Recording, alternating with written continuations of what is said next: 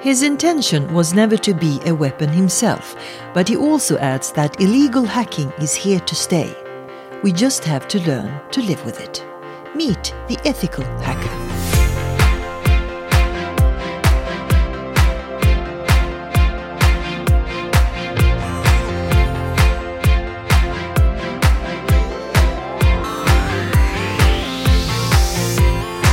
Honestly, Jamie, I didn't know ethical hackers actually existed. I mean, I thought either you are a bad guy or you are a good guy.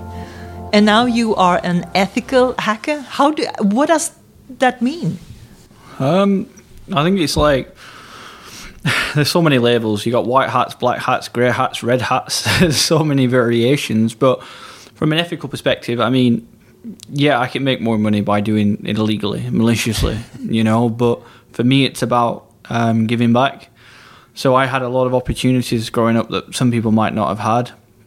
Um, you know, I always wanted to do right by my family. I always wanted to do right by my friends. Um, you know, loyalty is the most important thing to me. Um, I mean, when you kind of give a computer to a person that's capable of bringing harm to others, they have that fine line choice to make yes, for a period of time, they probably most likely stray off the path, you know, do stuff maliciously or illegally with ill intent. But um, nine times out of ten, it's having that guidance and that support is what realistically people need to be able to go down, you know, the right path and right route. And I find that many organisations, um, you know, many government institutions, local authorities, police forces, don't have the resources, the time, or the energy, um, or the financing to be able to invest um, in people to bring them to that white path or bring them to that right route. There's no point. Um, maybe 10 years ago, right, it was frowned upon. Hackers was such a bad thing. It was a bad name. You know, as soon as you heard the word hacking, it was automatically uh, malicious. But the word itself comes from taking apart, you know, being creative, making something better out of something that might not necessarily be. And I think with the local um, enforcement perspective or local authorities, they need to invest a lot more in uh, time, effort, energy, and resources and funding into people that are, are exploring online. And moving forward, I mean, the police forces in the UK call me weaponized autism. You know, that's not a nice thing for me to hear. Um, you know, or, or, a nice thing for me to tell my child or, or to tell my wife. And I think with um, people not having that guidance and that clear path is what makes it more dangerous and more difficult. Because if you give someone a gun, right, they're going to use it in a sense of to cause harm, but is it realistically the manufacturer of the weapon's fault that that's been used for that purpose? You know, maybe they, they wanted to use it for a sport, maybe they wanted to shoot targets, but it was unfortunate. Maybe that got used in a crime. It's the same thing with cybersecurity and hacking. You're giving someone a weapon. You know, a computer is a weapon. A piece of technology is a weapon. Whether that gets transformed as such to do harm or to, to be creative is entirely up to the person itself. But from what is an ethical hacker, it's making that decision of what route you're willing to go down and focus primarily on that route, you know, and but it's what did, your views are. You didn't start as an ethical hacker. You were a, a uh, I couldn't say you were a bad boy, but when you were nine years old, something well, happened to you. I, I wouldn't say like I, I, you know, I didn't walk the white path per se.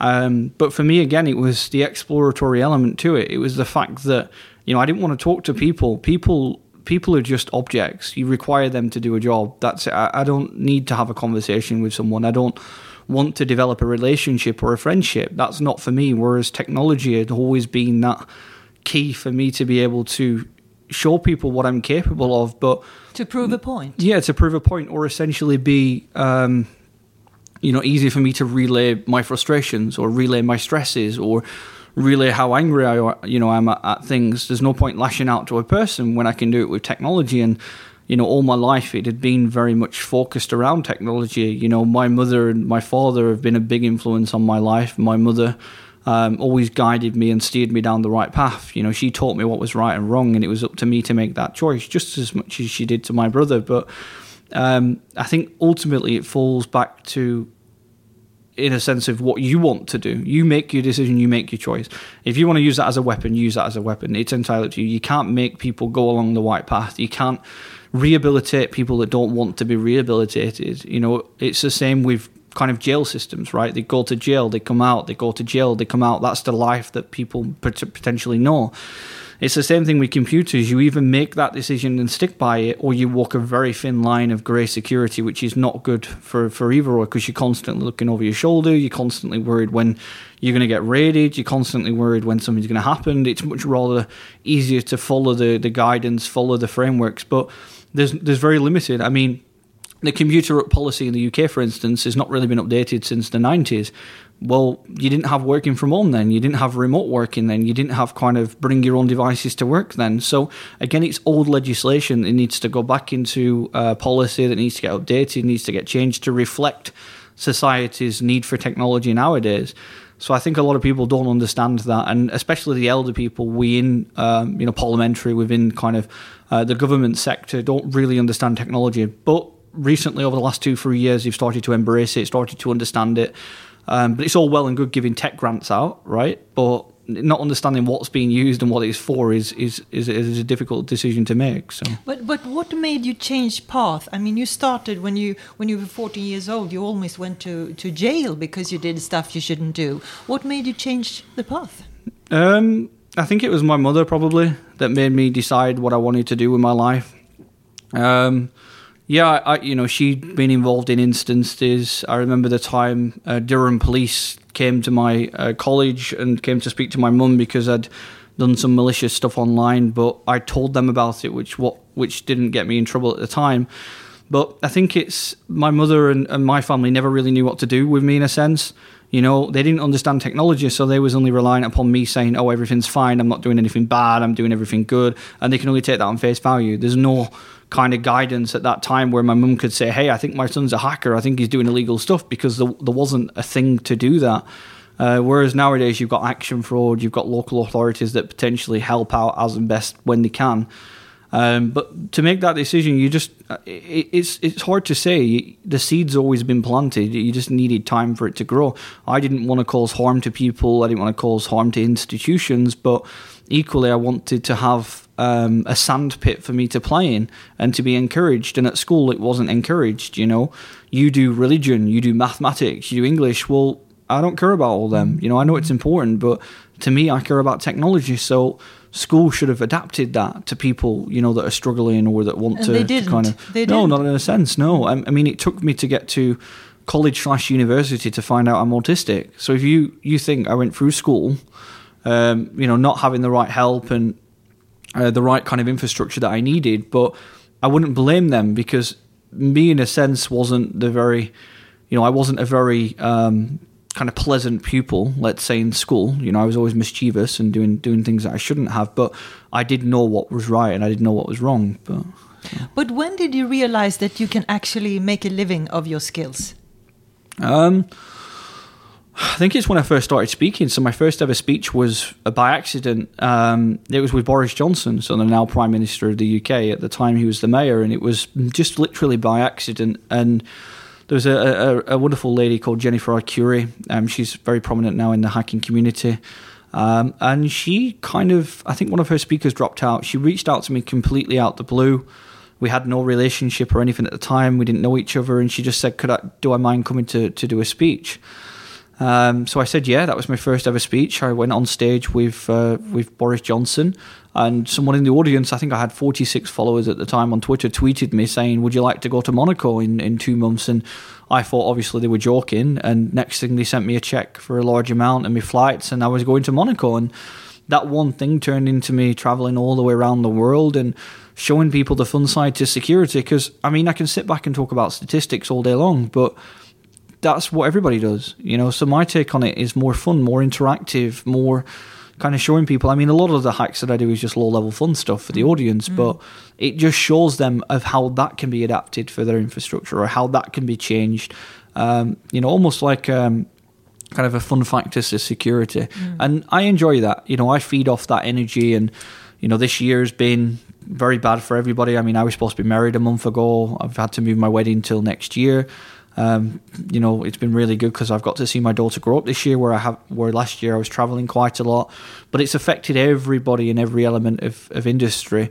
Um, and it's put us into kind of unprecedented times. Nobody knows what's happening tomorrow. Nobody knows what's happening next year, next year or next week. And I think that's brought a lot of people together online. Um, but it's led to a lot more kind of dangerous elements to remote working and remote procedures. Um, so to me, I, I, kind of feed off the energy of audience, and doing it live uh, is is great to, to talk to them, to see their reactions. Um, you know, to me, it's more more just an energy. Mm. But what upsets you the most when people or communities call you weaponed autism? Uh, I mean, is it that you're armed or is it the autism? What is what No, I think it's the fact that they know what I'm capable of, so weaponize it in a sense of that's what they'd say. So I remember the guy at the time that said that, and it really stuck by me. I remember it to this day. Um, you know, and he was like, "Yeah, you're a version of weaponized autism," and I was like, "Well, that's that's quite nasty in a, in a thing to say because." You know, I, I help as many people as I can. I'm involved with many charitable organizations. I do as best as I can. And to, to be able to see that, okay, well, you're a weapon and, you know, weapons are dangerous um, is quite disastrous, really, because anybody's dangerous. Given you know you can kill someone with a toothpick, it doesn't matter. It's it's the mindset and the mind frame of that individual. And to me, I don't want to cause harm, damage, distress. You know, I I want to show people the technological landscape landscape's completely adapting um, and make them a lot more worry and aware of the current trends and situations that are occurring. Mm. But what would you say is uh, what branch or industry has the worst security? Worst security? I think the worst security is kind of um, the SMEs, you know, kind of small, um, small, small to medium businesses. Yeah. But you said the you said the financial. Business. Yeah, so the financial sector is built quite a lot on legacy solutions.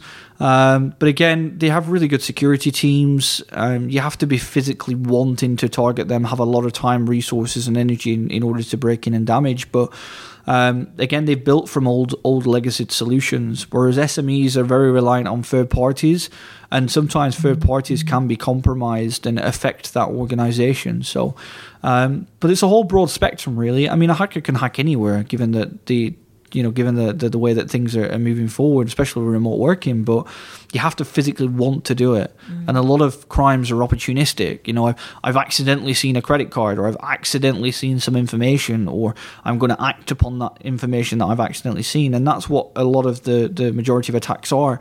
Um, there are times where uh, state sponsored based attacks is a prime example. Um, you know, we see quite a lot come out of North Korea all the time. I mean, they've got some really good, sophisticated individuals um, that do cause havoc and, and reap havoc. Um, you know, if we look at them as a state, how many you know resources and external workers have they got working in Russia? Have they got working all over the place? How do they kind of launder that money back into fiat currencies? It's quite a, a sophisticated operation, um, and there's a lot of, of state sponsors that do that. You know, in a sense. So uh, but should we? I mean, why are people so surprised? For example, when when Trump uh, won the uh, the the election four years ago, uh, people were quite surprised that some Russians interfered with the elections.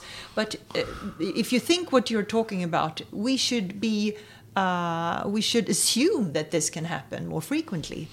yeah, I mean, I think regards to like Biden and Trump recently, I think Trump's not he's not admitting defeat, he's not conceding. You know, he's not um, Biden won the election. He's uh, Trump spat his pacifier out. Um, and I think he's trying to kind of play on the media and, and, and work that to his advantage. But f- from the far of election fraud, you know, I certainly, given given the resources that are available online by the vendor, um, I was researching them yesterday actually. Um, a lot of their uh, equipment's completely sophisticated. There's auditing, there's login, there's kind of redundancies in place. I think it's just a lot of nonsense to, to kind of try and grasp onto the, the power that he had.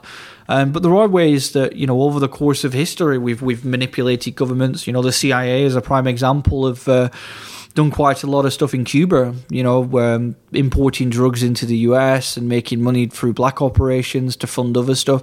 And, you know, that's the way that we've kind of adapted as a society. Mm. Um, but I mean, there's always kind of state plays in the background. It's just you know, a lot of it's conspiracy, but a lot of it is is truth. So. Mm.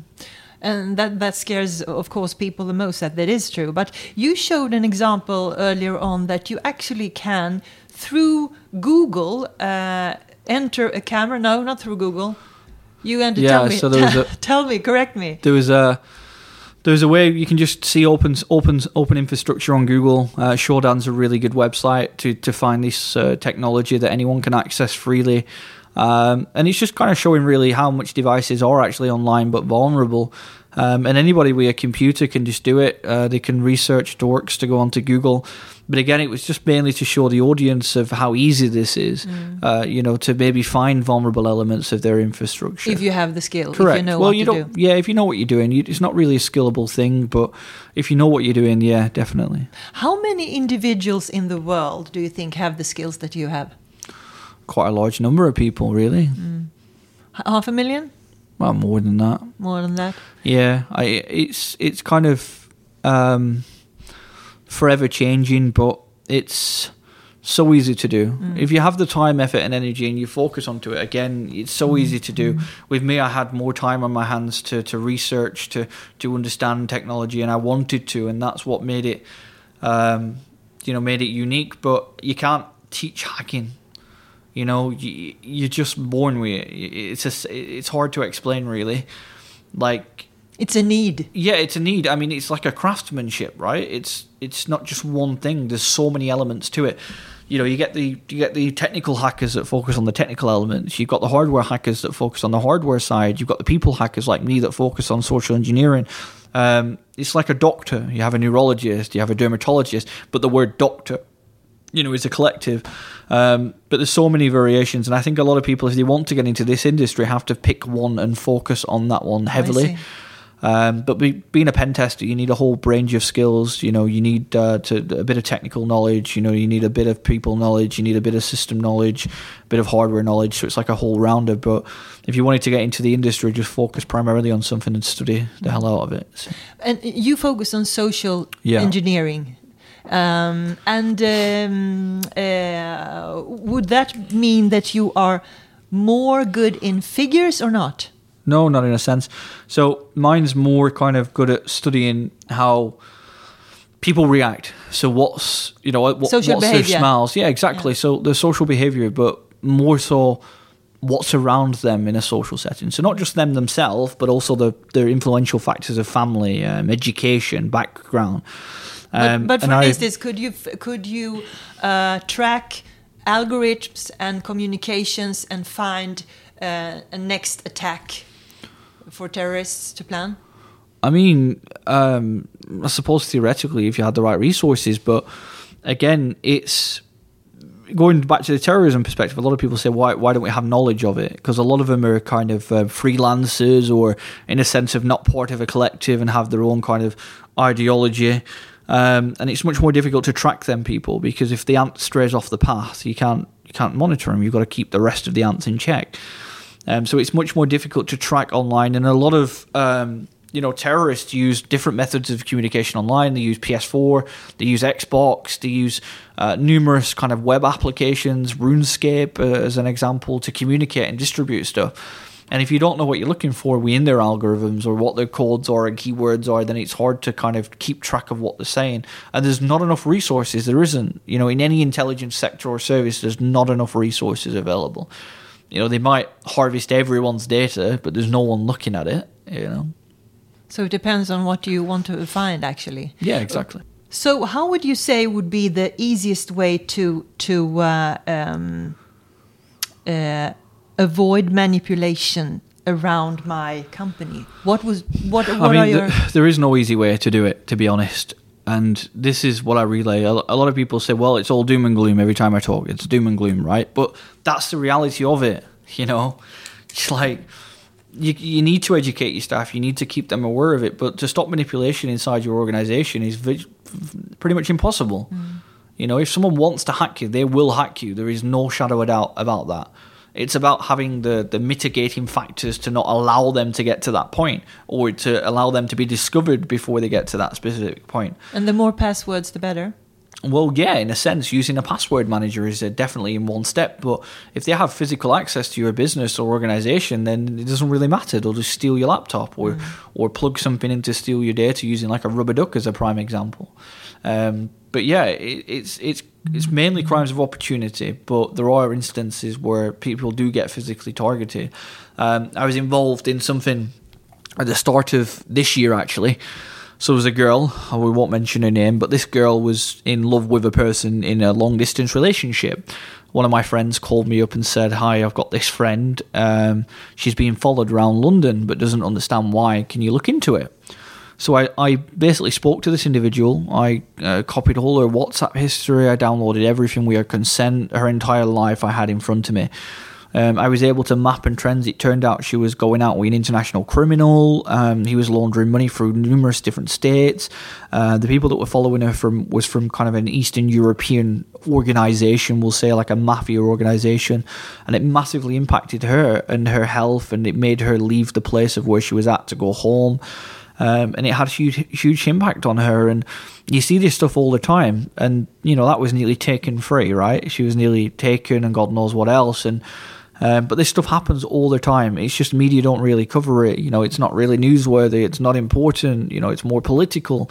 Um, but to to see the way that it affected her life, I mean, I'm not very empathetic. You know, I don't feel sorry for people. It's their own fault in a sense. But to see that the way, your autism, yeah, or, yeah, yeah, to see the way that it affected her, it did have some influence on the way that I did my life and how I did things. And um, you know, and to her, she was oblivious to this. You know, she she put her headphones on, she put her head down, she'd go to work, she'd come home, she'd go to work. She she wasn't aware of all these things that were happening around her, and it was just by accident and by chance that I got involved and, and was able to, through legal methods, uh, track and trace the individual, uh, find out through his pictures. I was I was I watched hundreds of video clips that he'd sent her. I paused them all at certain times to find street names, locations. Uh, at one occasion, he accidentally showed his phone contact list. I was able to get his contacts and build a mind map about everything about this guy's life. Um, and even then, it, you know, to me, that's fun. I found it interesting, you know, intriguing, but to a lot of people they don't have the time they don't have the patience but to me it's like data is is, is exploratory. I love looking you know i like looking under the rock. You never know what you might find. Exactly. Uh, but jamie you have a family now and a daughter of 19 months i think. Um, has she uh, inherit any of your skills? She's a very clever monkey yeah. So my little eleanor she's um, I think she has, to be honest.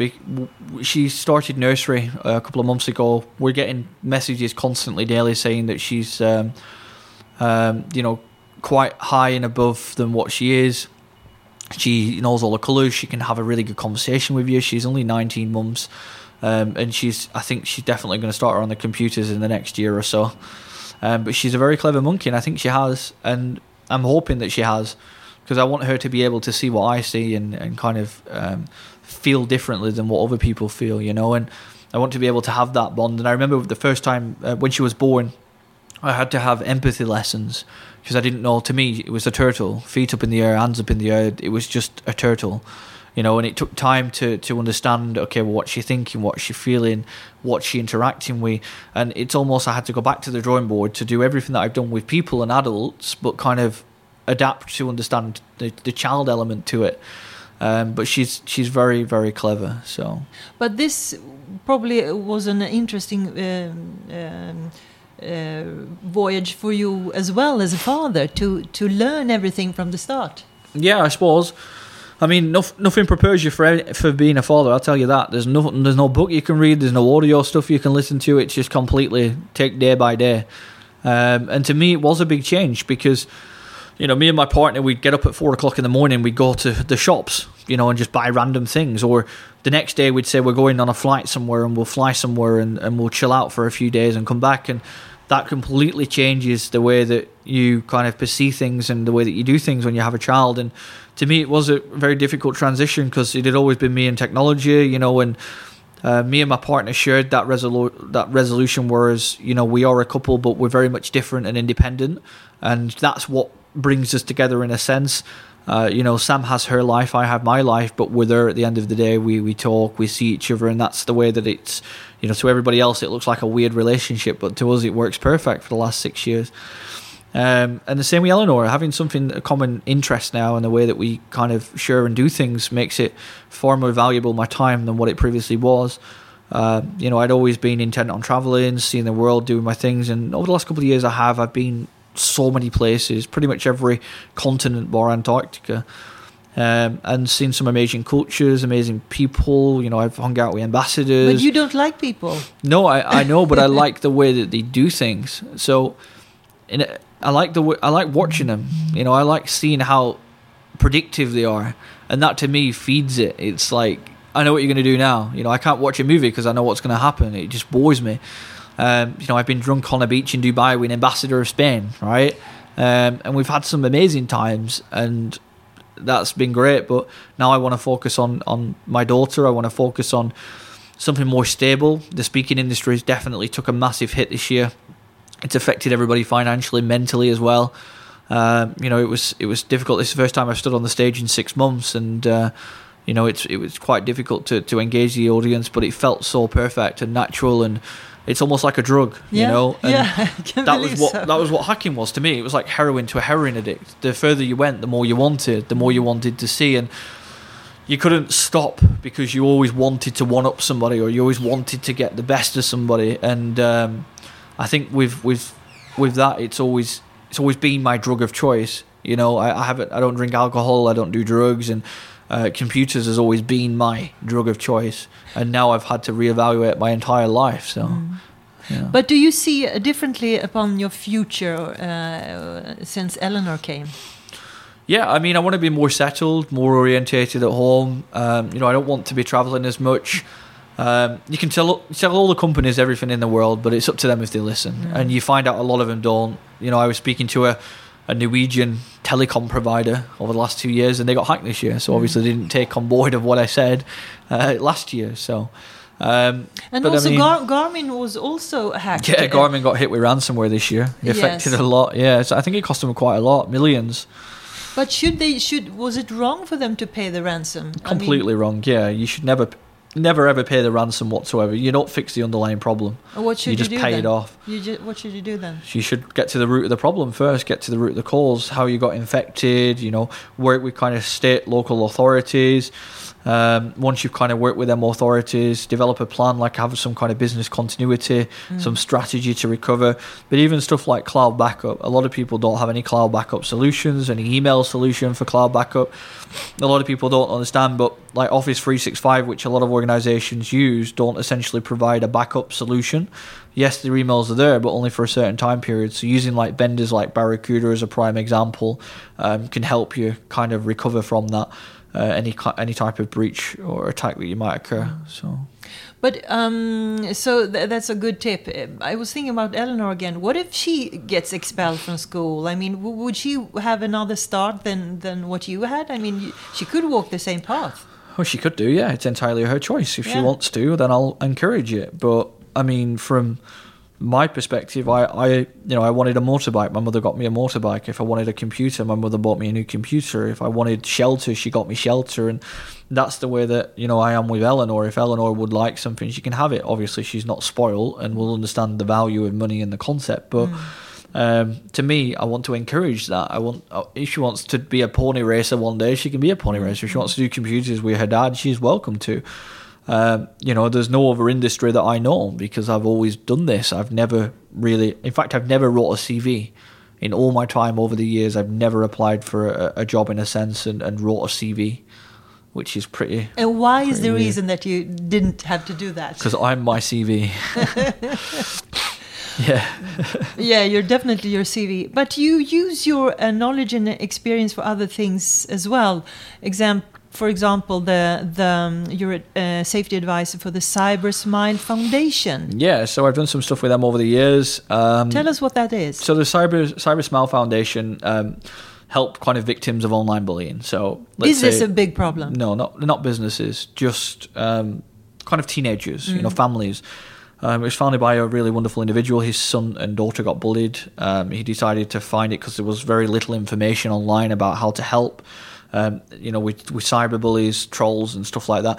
I mean, the one dangerous thing about it is I'm not on any social media. I have a Twitter page that's unmanaged. Nobody goes on it. I don't go on it. I don't post on it. Um, No, you people- can't even find information about you on Wikipedia. yeah. So people just, I take everything off. If you have an Alexa, say Alexa, who is Jamie Woodruff, she'll say I'm a British hacker. so I'm installed in Alexa for some reason, and Alexa knows my daughter's name. God knows how she managed to find that. Um, but yeah, so back to Cyber Smile. So they help people that have kind of fell victim to online bullying, cyber trolling, stuff like that. They have numerous resources available online.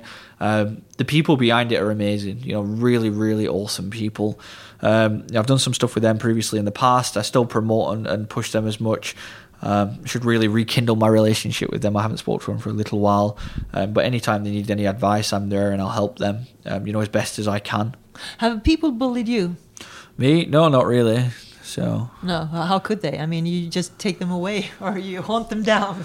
Well, I think it's it's the way that I remember there was this uh, there's this ginger guy, we'll say, and um, he was he used to scare a lot of people, and you know he used to kind of miff me off a little bit, but I'd never really been in a fight before, and I remember he was running up some steps. I pulled him down the steps, and we had at it. And my dad bought me my first ever Bluetooth dongle after that. so, but violence should not be rewarded. No, but um, you ha- sometimes you you must think of the the the situation you actually are when you travel. I mean, you could be kidnapped by someone and um, being forced to do things. Yeah, they'll return me after they've spoke to me. No, but honestly, isn't that something you're worried about, or, or Uh, I mean, yeah, in a sense, but I'm very well looked after. Um, you know, the the agency that look after me, uh, pretty cool people. You know, I know who I'm interacting with. I know who I'm talking with. I know where I'm supposed to be at a given time when I get picked up at a given time. Um, so everything like that, in a sense, is sweet. But yeah, there are elements where where it is quite scary. Uh, I remember in um, I've had all sorts. I've had someone run at me with a bottle before at, a conference.